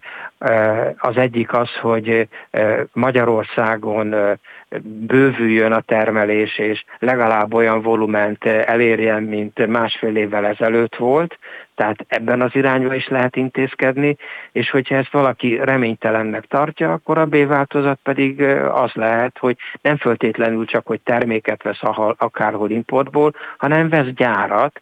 Ha országon belül nem tud, akkor valahol a határon kívül a közelbe. Tehát ez most csak egy elméleti okoskodás az én részemről, de az intézkedésbe valójában mindez belefér. Nem az, amit tapasztalatunk, hogyha az állam valahova bevásárolja magát, annak előbb-utóbb az a vége, hogy nem is sokkal később, hogy valakinek valahogyan eladja, mondhatni visszaprivatizálja az iparágat. Nem ez szokott lenni? Az építőipar területén ezt idáig nem tapasztaltuk, tehát nem vett építőipari céget, nem vett anyaggyárat, és utána nem adta oda senkinek üzemeltetésre, vagy... vagy, vagy hát ez építőiparban nem, de máshol láttuk, például az energetikában láttunk már ehhez foghatót, csak a Mátrai erőmű történetét megvizsgáljuk közelebbről. Az építőipar, hát ugye ezek ilyen monopól helyzetben lévő hatalmas nagy szervezetek, ilyeneket láttam én, akár a villamosipar, az energiaipar, vagy éppen a közlekedés területén is, de az építőiparban nagyon komoly verseny van, nagyon sok szereplő van, tehát ott, ott az államtól vásárolni nem szokás, tehát e, ez idáig nem volt ilyen gyakorlat. Az ön személyes véleménye mi? Ez egy jó ötletnek tűnik, hogy az állam beszálljon az építőiparba ilyen módon, tehát hogy anyagot gyártson? Nekünk egyetlen egy dolog fontos. Az, hogy legyen elegendő, elfogadható áru építési termék, most konkrétan a cementről beszéltünk. Jelenleg nincs. A kormány azért van, hogy kormányozzon, tehát hozzon jó intézkedést, eh, ami nekünk elegendő háttérterméket biztosít. Nyilvánvalóan az alapvető megoldás az lenne, és az lenne a jó, hogyha a piaci szereplők ezt önmaguktól meg tudnák oldani. De a monopól helyzetben lévő cementgyárak most olyan lépéseket tettek, hogy szívunk, mint a borza. Megrendelő is, meg a kivitelező is. Tehát itt van egy eh, valamiféle háborús díj a monopolcégek és a kormány között, aminek a levét mi isszuk. Tehát mi azt szeretnénk, hogyha ez minél előbb valahogy megoldódna. Betekintést nyertünk a borzok nehéz életébe. Koi úr, köszönöm szépen. Koi Lászlót az Építési Vállalkozók Országos Szakszövetségének, azaz az Évosznak az elnökét hallották az imént. Köszönöm Minden jót, köszönöm viszonthallásra. Spirit FM 92.9 A nagyváros hangja. Beperelte az átlátszót a Lomkorona sétányról elhíresült polgármester Filemon Mihály. Az ügy tárgyalása holnap kezdődik. Zsilák Szilviát, az átlátszó újságíróját kapcsoljuk. Önmagában viccesnek gondolom a szituáció, de nyilván nem az, hogyha az embert bíróságra citálják. Jó reggelt kívánok! Jó reggelt kívánok! Hát azért nem ijedtünk annyira meg ettől. Azt, én sejtem, az okot sem látom őszintén szóval. Tehát megjelenik egy írás, ami arról szól, hogy van egy közpénzből épített lombkorona sétány, ami alatt nincs lombkorona, viszont sehova nem vezet. És hát ezen úgy felháborodik a polgármester, meg az ő zaklatáson, hogy megmerik kérdezni erről a dologról, hogy pert indít. Milyen alapon? Mi a kereset lényege? Hát ő szerintem valami kifogás keresett, vagy valami fogást ebben a sztoriban, mert nagyon kellemetlenné vált neki, hogy ekkora média figyelmet kapott az ő uniós projektje. Hát amiben bele tudtak, vagy bele akartak kötni, az itt az volt, hogy ők azt állítják, hogy nem uniós pénzt kaptak erre a beruházásra. Ezt ugye az alapján állítja, hogy ugye 2021-ben ugyan odaítéltek neki a támogatást, de még nem kaptak készhez ezt az összeget, mivel ez utólagos finanszírozású projekt. Egy erre mondja továbbra is az átlátszó, hogy nem tettük közé a helyreigazítást, mert szerintünk lényegtelen, hogy ezt a pénzt most megkapta, vagy nem. 2021-ben odaítélték neki, megpályázta ezt a pályázatot, innen kezdve szerintünk ez egy szerintünk uniós pénzt kapott. Van egy másik, azt most kikerestem a saját cikkükből, hogy a lombkorona sétány nem is 50 méter hosszú, hanem 80 méter hosszú. Rosszul lépték le? Nem, nem. Egyébként ez, ez egy nagyon furcsa része a keresetlevélnek. mert egész az. Cikkbe, igen, mert ugye azt, mi azt írtuk a cikkben, hogy az eredeti tervek szerint a lombkorona sétány 50 méter hosszú. Nyilván ott pár volt megírni a cikket. Én a, nem elkezdtem méregetni a lomkorona sétányt, amikor lementünk röhögni, kezdtünk inkább, és egyébként én a közbeszerzési érdesítőben láttam, hogy, ez, hogy 50 méterre tervezik. Uh, tehát én ezt is írtam a cikkbe, hogy az eredeti tervek szerint 50 méter hosszú. Most erre azt írják, hogy nem 50 méter hosszú, hanem 80 méter, de hát mm, ettől függetlenül ugyanez van a közbeszerzési értesítőben. Utólag nem értük egyébként 80 méter hosszú csinálták meg, de ez nem változtat azon, hogy az eredeti tervek, azaz a közbeszerzési értesítőben 50 méter Na, de, de álljunk meg egy pillanatra. Ha 50 méteres, akkor sincs körülötte semmi, ha 80 méteres, akkor sincs. Tehát a semmit mutatni 80 méteren pont annyira értelmetlen, mint 50 méteren, nem? Hát meg persze, meg pont azért mentünk le a helyszínre, mert ezt itt távolra nem láttuk, hogy kivágták az erdőt. Jó, hát akkor gondoltuk, majd akkor ott megnézzük, mi hogy van, hát és akkor láttuk, hogy ott maradtak még a farankok, stb. Hát egyértelmű volt, hogy ott tényleg kivágták az erdőt. Ha jól, olvasom, ha jól olvasom, akkor helyreigazítást és bocsánatkérést követel. Mely témakörben kéri a helyreigazítást az 50 kontra 80 méter tekintetében? Három dologban kéri. Az egyik az, hogy ő, igazítsuk helyre, hogy nem kapott uniós pénzt. A másik volt ez az 50-80 méter, a harmadik pedig az, hogy nem kapott fél milliárd forintot erdőtelepítésre. Itt ugyanaz a logikája, mint uh, ami volt a Lomkorona sétánynál, hogy mi az alapján írtuk meg, hogy uniós pénzt kapott, hogy ugye 2021-ben odaítélték neki. Ez már ugye más kérdés, hogy ő mikor mennyit fog ebből lehívni. Mert hogy lehívható? Tehát, hogy az a pénz rendelkezésére állna? Igen, igen. Tehát akkor kapott pénzt, csak nem használta még fel. Igen, ez, szerintem a magyar köznyelven ezt használjuk. A legtöbb uniós projekt az utófinanszírozású, uniós pénzt kapott, abból, abból építkezett. Na, Meg akkor hát van egy... Pont emiatt, igen, van egy, van egy kereszt kérdésem, hogy, hogyha Igen? nem 60 millió forintos uniós támogatást utólag sem kéri, bár jár neki, és ezért mhm. csinálta meg ezt a lomkorona sétányt, akkor ez egy ilyen gazdag település, hogy 60 milliókat kidobálunk egy faszerkezetre? Hát ugye ez a magánberuházása volt Filemonnak, akkor ő egy ilyen gazdag polgármester, hát, 60 ugye? milliókat kidobál. E, igen, vagy ilyen, igen. Ami egyébként még érdekesség, hogy van egy, ő egyébként elég sok nyilatkozatot tett a sajtóban. Nekünk nem nyilatkozott, de más lapoknak utána, igen, plusz volt egy helyi lap, akinek ott helyben még nyilatkozott, amikor már látta, hogy mi ott keressük, stb. És egyébként ő maga azt nyilatkozta akkoriban még, hogy ő uniós pénzt kapott erre a projektre. Hát ugye. szóval, hogy hát ő magát innentől, innentől kezdve nehéz lesz a bíróságon érvelni, de majd a bíróság ezt a részét eldönti. Bocsánatot Igen. kérniük miért kellene? nem tudom, azt úgy, de azon levélben kérünk bocsánatot, gondolom az egészet. Igen. Hát én nevetségessé tettük őt, de hát én ezt egyébként egészen addig szerintem nem volt nevetséges, amíg meg nem szólalt az ügyben. Egyébként hát arra felé mindenki épít lombkorona sétányt, úgy tűnik, tehát hogy az ott egy ilyen szenvedély. Tehát az például konkrétan önöktől tudom, hogy a térség országgyűlési képviselője Tasó László is neki veselkedett egynek, mert hogy neki is kellett egy. Igen, igen, de hát egyébként ezeket így meg se találtuk volna, meg a Filemonét se, nem vágja ki előtte az erdőt. Jó, akkor nem látszott volna, hogy ott van, hisz erdő Igen. van körülötte. Hát persze. Na most, ugye itt van még egy ága ennek a történetnek, hogy Hatázi Ákos és Donát Anna az Európai Csalás elleni hivatalhoz fordultak ebben a konkrét ügyben. Meg még egyébként csomó más ügyben, de az egy másik történet. Ez egy ilyen bírósági perben számít, hogy van egy másik eljárás, ami, ami folyamatban van? Én nem vagyok jogász, de én nem gondolom, hogy ez számított most ez ettől függetlenül lesz. Plusz ez azért nagyon gyorsan meg is történt ez az egész, hogy több cikket egy másfél hónapja írtam meg, és akkor már is egyébként már a bíróság előtt vagyunk. Nem is baj egyébként, ezen legalább legyünk hamar túl. Hát ráadásul mindig azt szoktuk mondani, hogy mennyire lassú a magyarországi bírósági munka és az ítélkezés gyakorlata, hát akkor most itt a bizonyíték, hogy, hogy nem annyira. Ön nem úgy gondolja, és ez egy vélemény kérés kérdés, persze én ezt pontosan tudom, hogy egy ilyen esetben egy polgármesternek inkább lapítani kéne. Tehát a vérig sértettem perelek, miközben ott ágaskodik, látszik, virít ez a lom nélküli fákkal ö, körülvett lomkorona. Ö, tehát, hogy az ember azt gondolná, hogy ilyenkor csend van.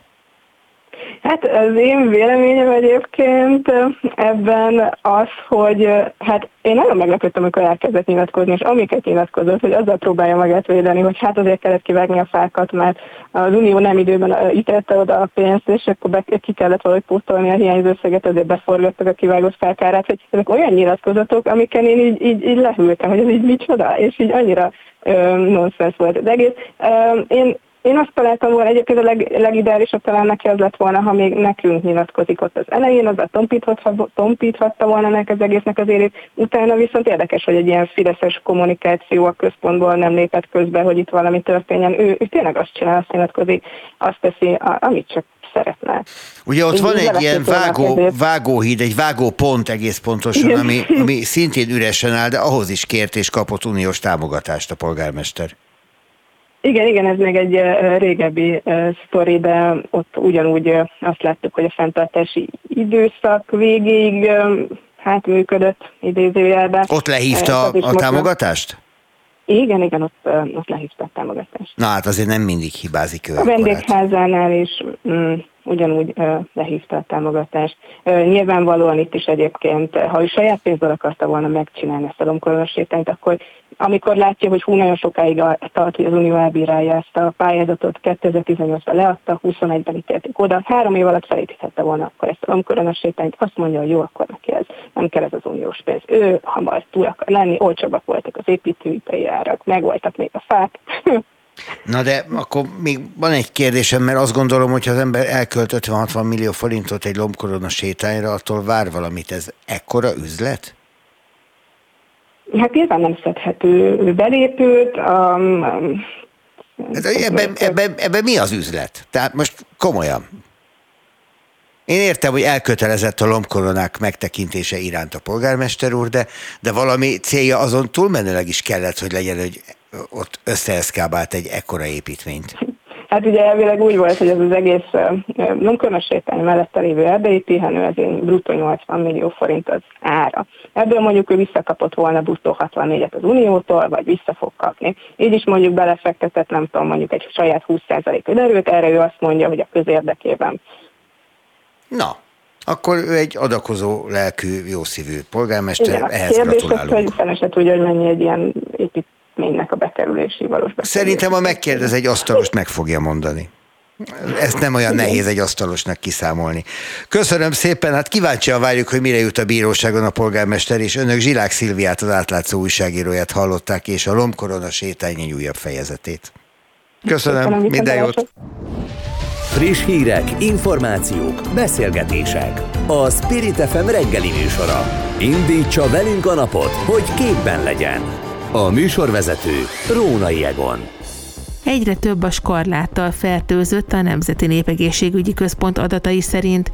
Január óta hétről hétre nő a számuk. Rusvai Miklós virológussal beszélgetünk a betegség tüneteiről és a fertőzés növekedésének lehetséges okairól. Egyáltalán mennyire kell félnünk? Rusvai Miklós mindig akkor hívjuk, hogyha valami baj van. Jó reggelt kívánok! Jó reggelt kívánok! Most baj van-e?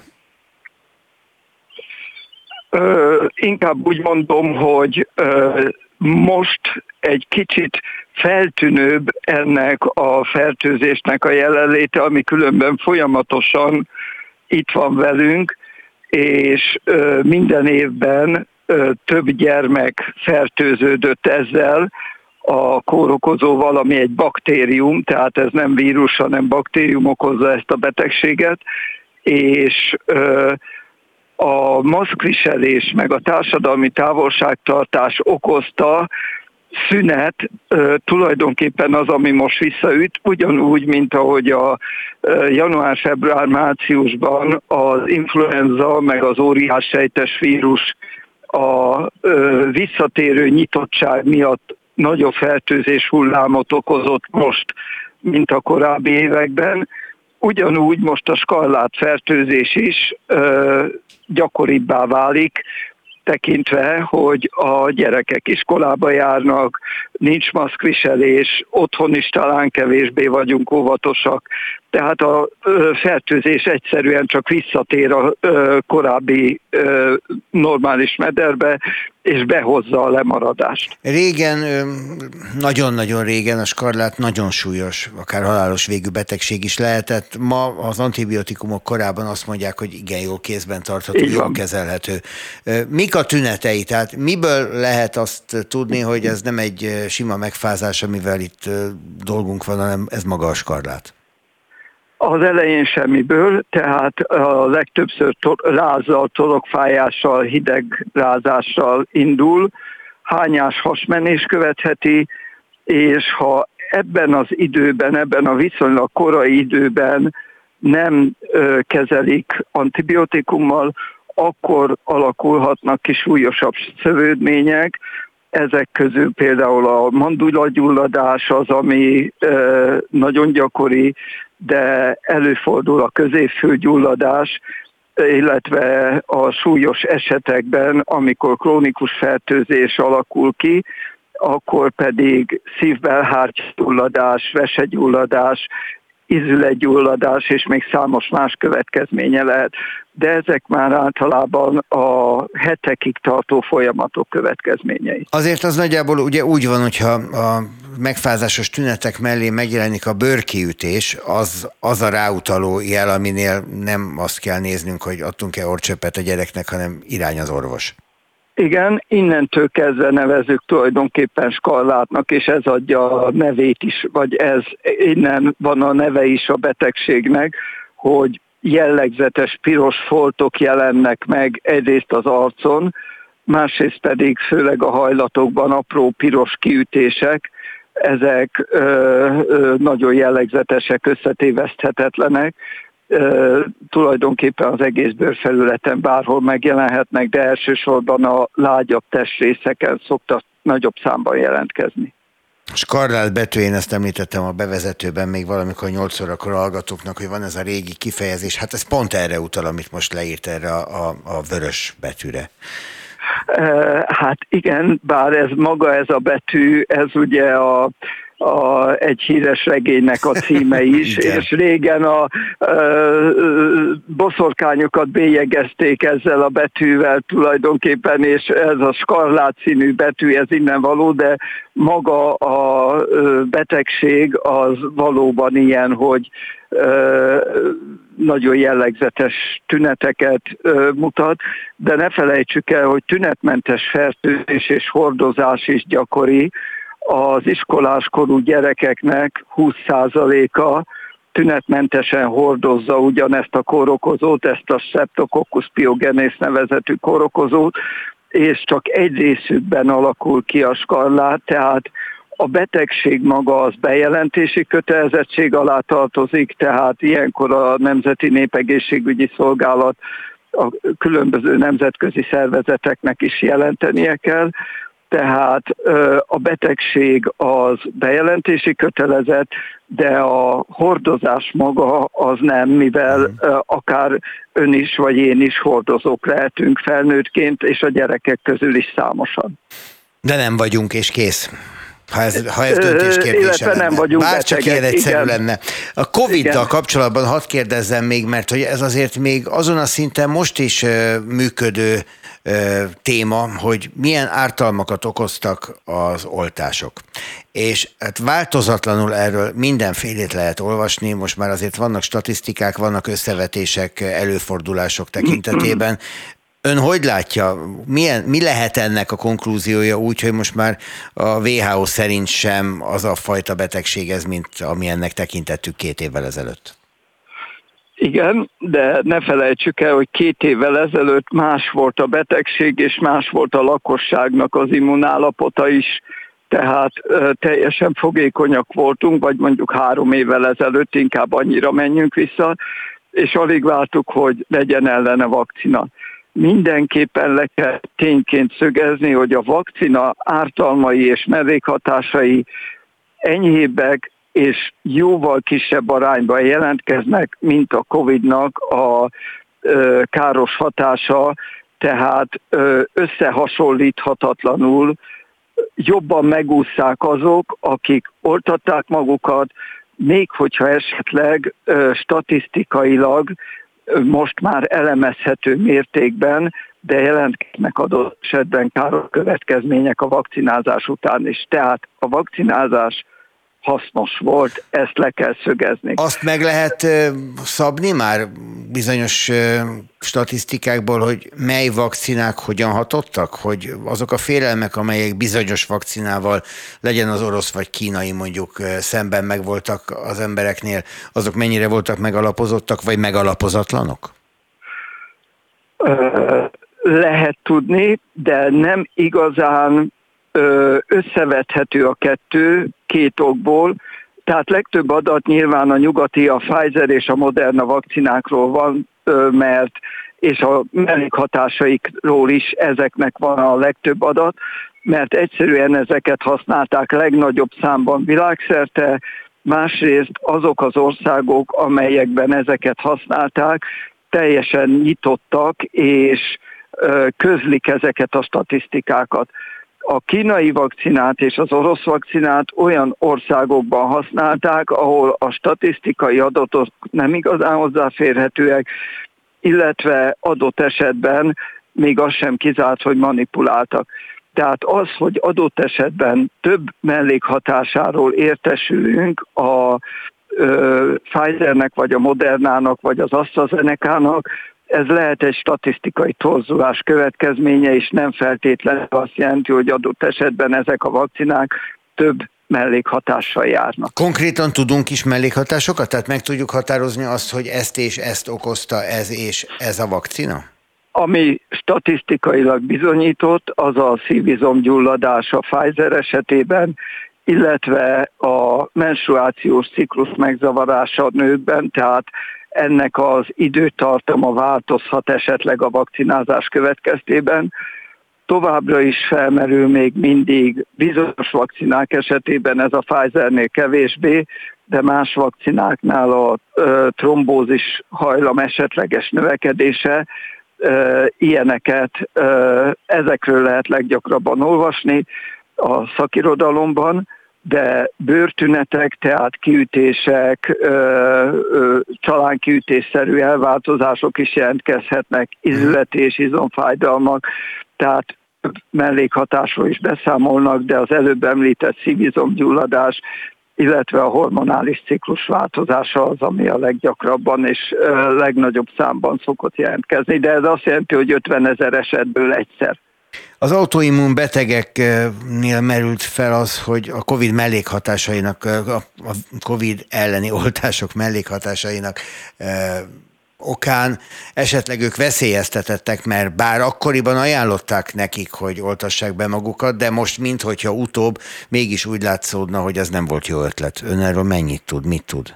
A autoimmun betegségek kiváltásában, megerősítésében vagy megerősödésében inkább az úgynevezett inaktivált vakcinákat gyanúsítják, mint például a kínai vakcina, ugyanis ezek nö, ö, nyomokban tartalmazhatnak olyan szöveti elemeket, amelyek az emberi sejtekre emlékeztetik az immunrendszert, az mRNS vakcinák, mint a Pfizer vagy a Moderna ilyeneket nem tartalmaznak, úgyhogy inkább a, a kínai vakcináknál volt ilyen gyanú, de az előbb említett statisztikai torzulás miatt erről kevesebb adat áll rendelkezésre. Köszönöm szépen, hogy ezeket megtudhattuk öntől. Rusvai Miklós virológus beszélt az imént az aktuálban. Viszont hallásra. Köszönöm, viszont hallásra.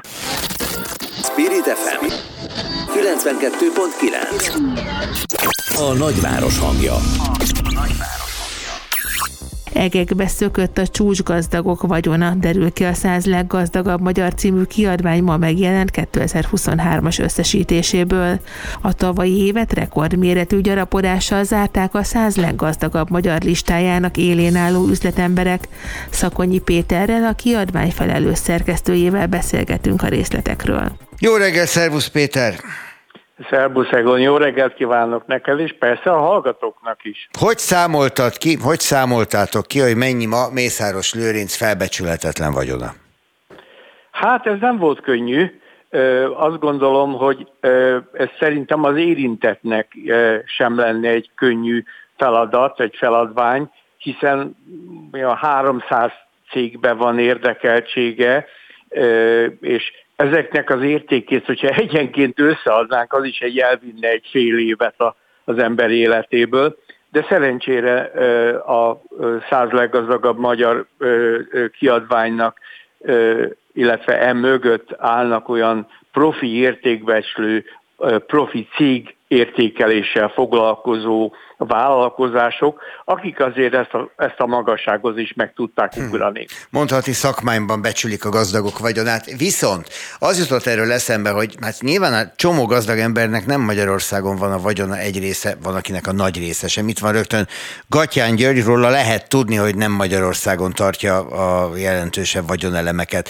Ő itt ben van a hármas élbolyban, sőt nem, ő a negyedik, nem jutott be a hármas élbolyba, 366 milliárdra becsülitek a vagyonát. Ez az itthoni vagyona, vagy tudtok arról is, hogy milyen van a világon máshol?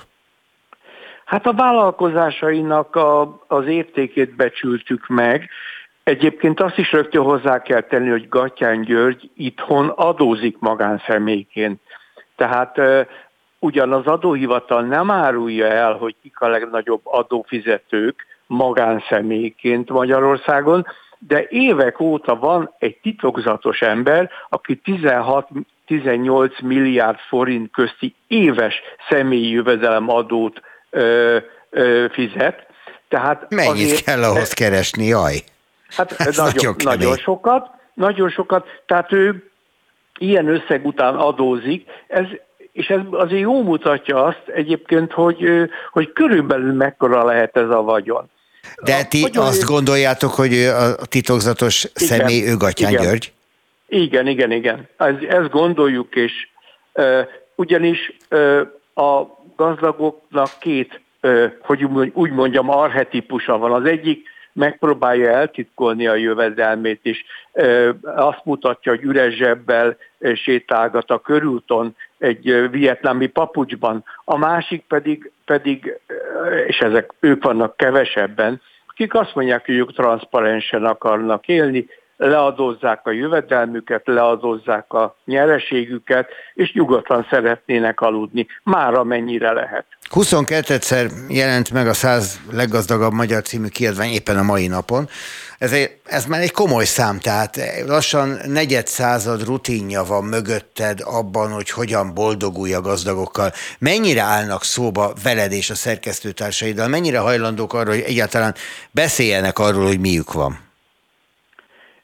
Tulajdonképpen, amit most említettél kérdésként, ez a, ezt érzem a legfontosabbnak, és mert ha nem állnának velünk szóba, ha nem tudnánk velük egyeztetni a szócikkek tartalmát, a tavalyi év eredményeit, számait, legfontosabb trendjeit illetően, akkor bizony nagy bajba lennénk, és akkor egy, a kiadvány nem csak az első, de a mostani is fényévekre lenne a valóságtól. Így sem tükrözi száz százalékban a valóságot, hiszen irreális dolog lenne, viszont így módon, és csak ilyen módon tudunk ö, olyan ismereteket szerezni, hogy reálisan ö, közelítsük meg a vagyonok nagyságát. A cégértékelők ugyanis ö, a számokat nézik, mi pedig a számok mögött levő dolgokat is meg tudjuk figyelni, és arra rá tudunk kérdezni, és azt gondolom, hogy ez a fontos, legalábbis a mai Magyarországon ez a meghatározó. Mondod a mai Magyarországot, van ebben a kiadványban néhány allista is, területi megközelítések, meg hasonlók, és van egy, ami másról szól, ami arról szól nagyon konkrétan, hogy ki mennyire hat ki mennyire befolyásos egy társadalomban, és nagyon elgondolkoztató, hogy itt ugye sok elemző véleményét bekérve alakítottátok ki a listát, ebben az ebben a listában a száz legfontosabb ember között alig találunk ellenzéki politikust, kormánypártit annál inkább. Tehát ez nagyjából azt mutatja, hogy mennyire lehet hatnia egy ellenzéki politikusnak a társadalomra? Ez pontosan annak a, a, a tükörképe, amit említesz. Ugye erre a, a, az 50 legbefolyásosabb ember ö, tartalmazó listára mindössze három ellenzéki ö, politikust fért föl, Karácsony Gergely, Doblev Kála és ugye nem véletlen Gyurcsány Ferenc. És az az érdekes, hogy Karácsony Gergely közülük áll a, a legelőkelőbb helyen, azt hiszem, hogy 36. helyen, de az is jól mutatja, hogy az 50-es lista második felének, a második felébe található csak néhány politikus, ez a három ellenzéki politikus, az ő hatásuk vagy befolyásuk, nyomatékuk, hogy így fejezem ki magam, igazán minimális. Ebből is látható. Az összes többit meg tessék szíveskedni elolvasni. Ez egy nem vékony kiadvány, azt nézem 242 oldalt raktatok össze ezekkel az adatokkal és háttérinformációkkal. Kifejezetten tanulmány, tanulságos végigböngészni, hogy ki miből és hogyan csinálja a vagyont ma Magyarországon. Szakonyi Péter, köszönöm szépen, Gratulálok a 23-ashoz is. A száz leggazdagabb magyarról beszélgettünk. Köszönöm szépen. Szervusz Péter. Itt van az én szerkesztőm a legfrissebb, vagy legfontosabb, vagy legérdekesebb, vagy mit tudom én, miféle hírekkel. Ilyenkor mindig azt szoktuk csinálni, hogy jön Eszter, vagy éppen az adott szerkesztő kolléga, és összeszedi azt, amiről nem beszélgettünk a műsorban. Így van. Somod is, hogy most Eszter. Amikor e, neki kezdtél a mondatnak, azt hittem az lesz a vége, hogy a legfrissebb szerkesztő, de szerencsére csak a hírek. Lehet, hogy a legálmosabb szerkesztők egyike. Na jó. Nem igaz.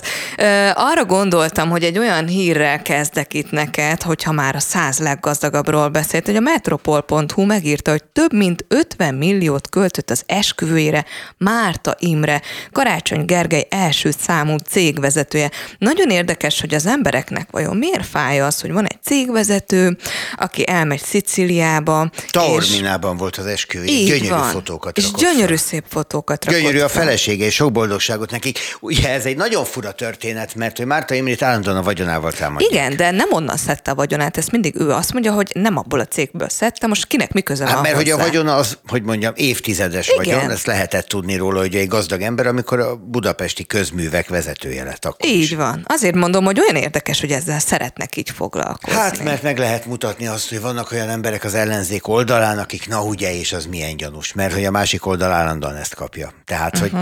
hogy de akkor nyilván, meg, hogyha megnézzük de a száz meg... leggazdagabb magyart, nincs benne Márta István. Igen, igen, igen, de ennek meg a, egy kicsit olyan üzenete van, mint hogyha valakinek, hogyha van pénze, és Márton mondjuk nincs benne ebbe a listába, tehát ugye nyilván őnek azért annyi nincs, de hogyha ha tehetősebb vagy, akkor feltétlenül te valami galád, csaló kell, hogy legyél? Nem, nem hiszem. Tehát munkával is lehet azért keresni, nem? Jó, hát Nehezen. keveseknek Biztosan sikerül ezt akartam mondani. Na mindegy. tudunk olyan példát hozni, akinek ez sikerült. Igen, hát a ma reggeli hírek között viszont nagyon sok helyen lehet olvasni, hogy Szili Katalin lemondott, ezért már nem miniszterelnöki megbízott, hanem miniszterelnöki megbízott. Ugye azért mondott Így le... rögtön más. Igen, azért mondott le miniszterelnöki megbízott posztjáról, hogy megtarthassa az egyetemi vagyonkezelői alapítványban a kuratóriumi tagságát, mint ismert Gulyás Gergely miniszterelnökséget vezető miniszter az Európai Tanács összeférhetetlenségi aggájai miatt választás elé állította az érintett kormányzati tisztségviselőket, és ennek következtében mondott le februárban, hogy megtarthassa ezt a pozíciót. Igen, de most ő nem miniszterelnöki hanem főtanácsadó, hanem miniszterelnöki megbízott.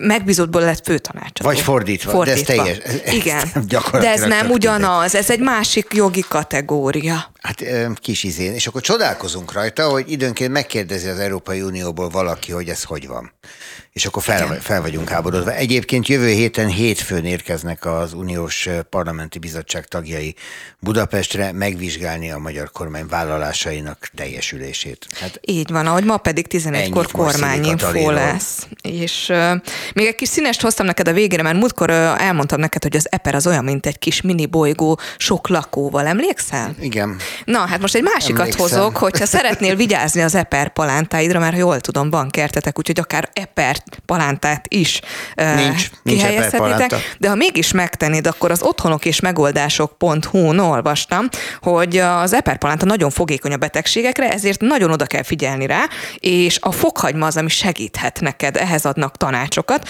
hogy a palántát a szokásos módon egymástól 30-40 centiméterre kell elültetni, és közéjük kell egy-egy fokhagyma gerezdet a két tő közé a földbe dugni, és amikor előbújik, akkor tudhatod, hogy most már meg megmenekült az eperpalántád, mert a fokhagyma megvédi a betegségektől. Ha nem eszem meg pirítóssal. Már nem az epret, a fokhagymát, mert az egészséges, azt mondják. Bár megnézni, hogy az epret rá ö, tunkolod a kis pirítósodra, lehet az is jó. Ö, izé, ezt nem akarom kipróbálni, viszont Edina? Edinát nem találtam. Ó, ne viccelj velem. Oh. Hát van egy félmillió forintos luxus babakocsia, erről még egy pszichológus is elmondja a véleményét, hogy ez milyen kockázatokat rejt. El nem tudom képzelni, biztos eldugtak valamit a babakocsiban. Fél millióért egy babakocsi. Más autót próbál venni ennyiért, nem sikerül használhatót, de a babakocsi nyilván megy. És a másik nagy hír, lehet, hogy már rég megszületett a baba. Mert és lehet, tudjuk. hogy a Bors, ahogy azt me- Bors írta meg, vagy a Blik, nem is tudom, Bors vagy Blik, Bors, nem tudom. Igen. Két nappal ezelőtt megírta, hogy lehet, hogy a 11. hónapban van már Kulcsár Edina. Tehát, hogy ő mint egy biológiai csoda szerepel az emberiség történetében, mert tavaly augusztusban hozta a hírt az újság, a Bors vagy a Igen. Blik, a Bors vagy a Blik. És nem gyanúsan tudom, nem született hogy, meg, hogy, hogy várandós Edina, és uh-huh. hát azóta még mindig várandós. De tudod, hogy a tovább ideig, tovább tart a várandóságod, akkor a marketing akkor, bevételek akkor is. hívják, és nem ember. De marketing bevételt is tudsz növesz, növelni, növeszteni, növelni. Na jó, de a permanens várandóság, mint marketingeszköz, azért ez egy eléggé speciális dolog. Napjainkban már semmi sem elképzelhetetlen, mint ahogy én arra se gondoltam, hogy vérvizsgálat fogja kimutatni, hogy például egy balesetet követően alváshiány befolyásolta a járművezetésemet. A portfolio.hu hozta le a Guardian szerint, hogy most már ilyen vizsgálatokra lehet számítani. Tehát, hogy elaludtam-e vagy sem, vagy álmos igen, voltam-e vagy igen, sem? Igen, igen, Hát elég sokan vezetnek fáradtan. Hát figyelj, reggel mindenki fáradt. És este? Akkor is. De reg... napközben? Szóval, hogy, hogy ez így azért elég érdekes lesz, mert hát hogyan? Tehát ez megtiltják az, az álmos embernek, hogy hazamenjen, vagy... Igen, maradj ott. Nagyon fura dolog. Amellett, hogy persze a fáradtság az egy nyilvánvalóan veszélyeztető tényező, annak uh-huh. azért van egy rizikófaktora a közlekedésben. Igen, kérdés. de mondjuk nekem azt mondanák, hogy hát ezt olyan álmosnak tűnsz. A, maradj Budapesten, hát lehet, hogy van, aki otthon örülne neki, ki tudja. Elmondod, hogy honnan jössz? Persze, azt már mondtuk el adásban, hogy paksol járok dolgozni, úgyhogy... Azt azért elmondom, kedves hallgatóknak, tehát ezt úgy képzeljék, hogy Eszter reggel hatkor itt van, mert ő a reggeli műsor szerkesztője, és paksról van itt reggel hatkor minden alkalommal. Tehát, Így van. Ki álmos igazából? Egyébként nem, én nem vagyok az. Jó, akkor maradjunk is ebben. Kilenc óra mindjárt jönnek a friss hírek, én meg holnap reggel megint, te meg nem. Én most nem. Mert holnap reggel nem veled leszek itt Ha a nem, reggeli műsorban. Niki kolléganőmmel. Nikivel. Viszont köszönöm a kedves hallgatóknak a figyelmet, neked, nektek a munkát. Csomódi Solymos Eszter volt ugyanis a szerkesztő, és Kátai Kristófa a technikáért felelős munkatársunk. Én pedig Rónai Egon vagyok. Várom önöket holnap reggel is viszont hallásra.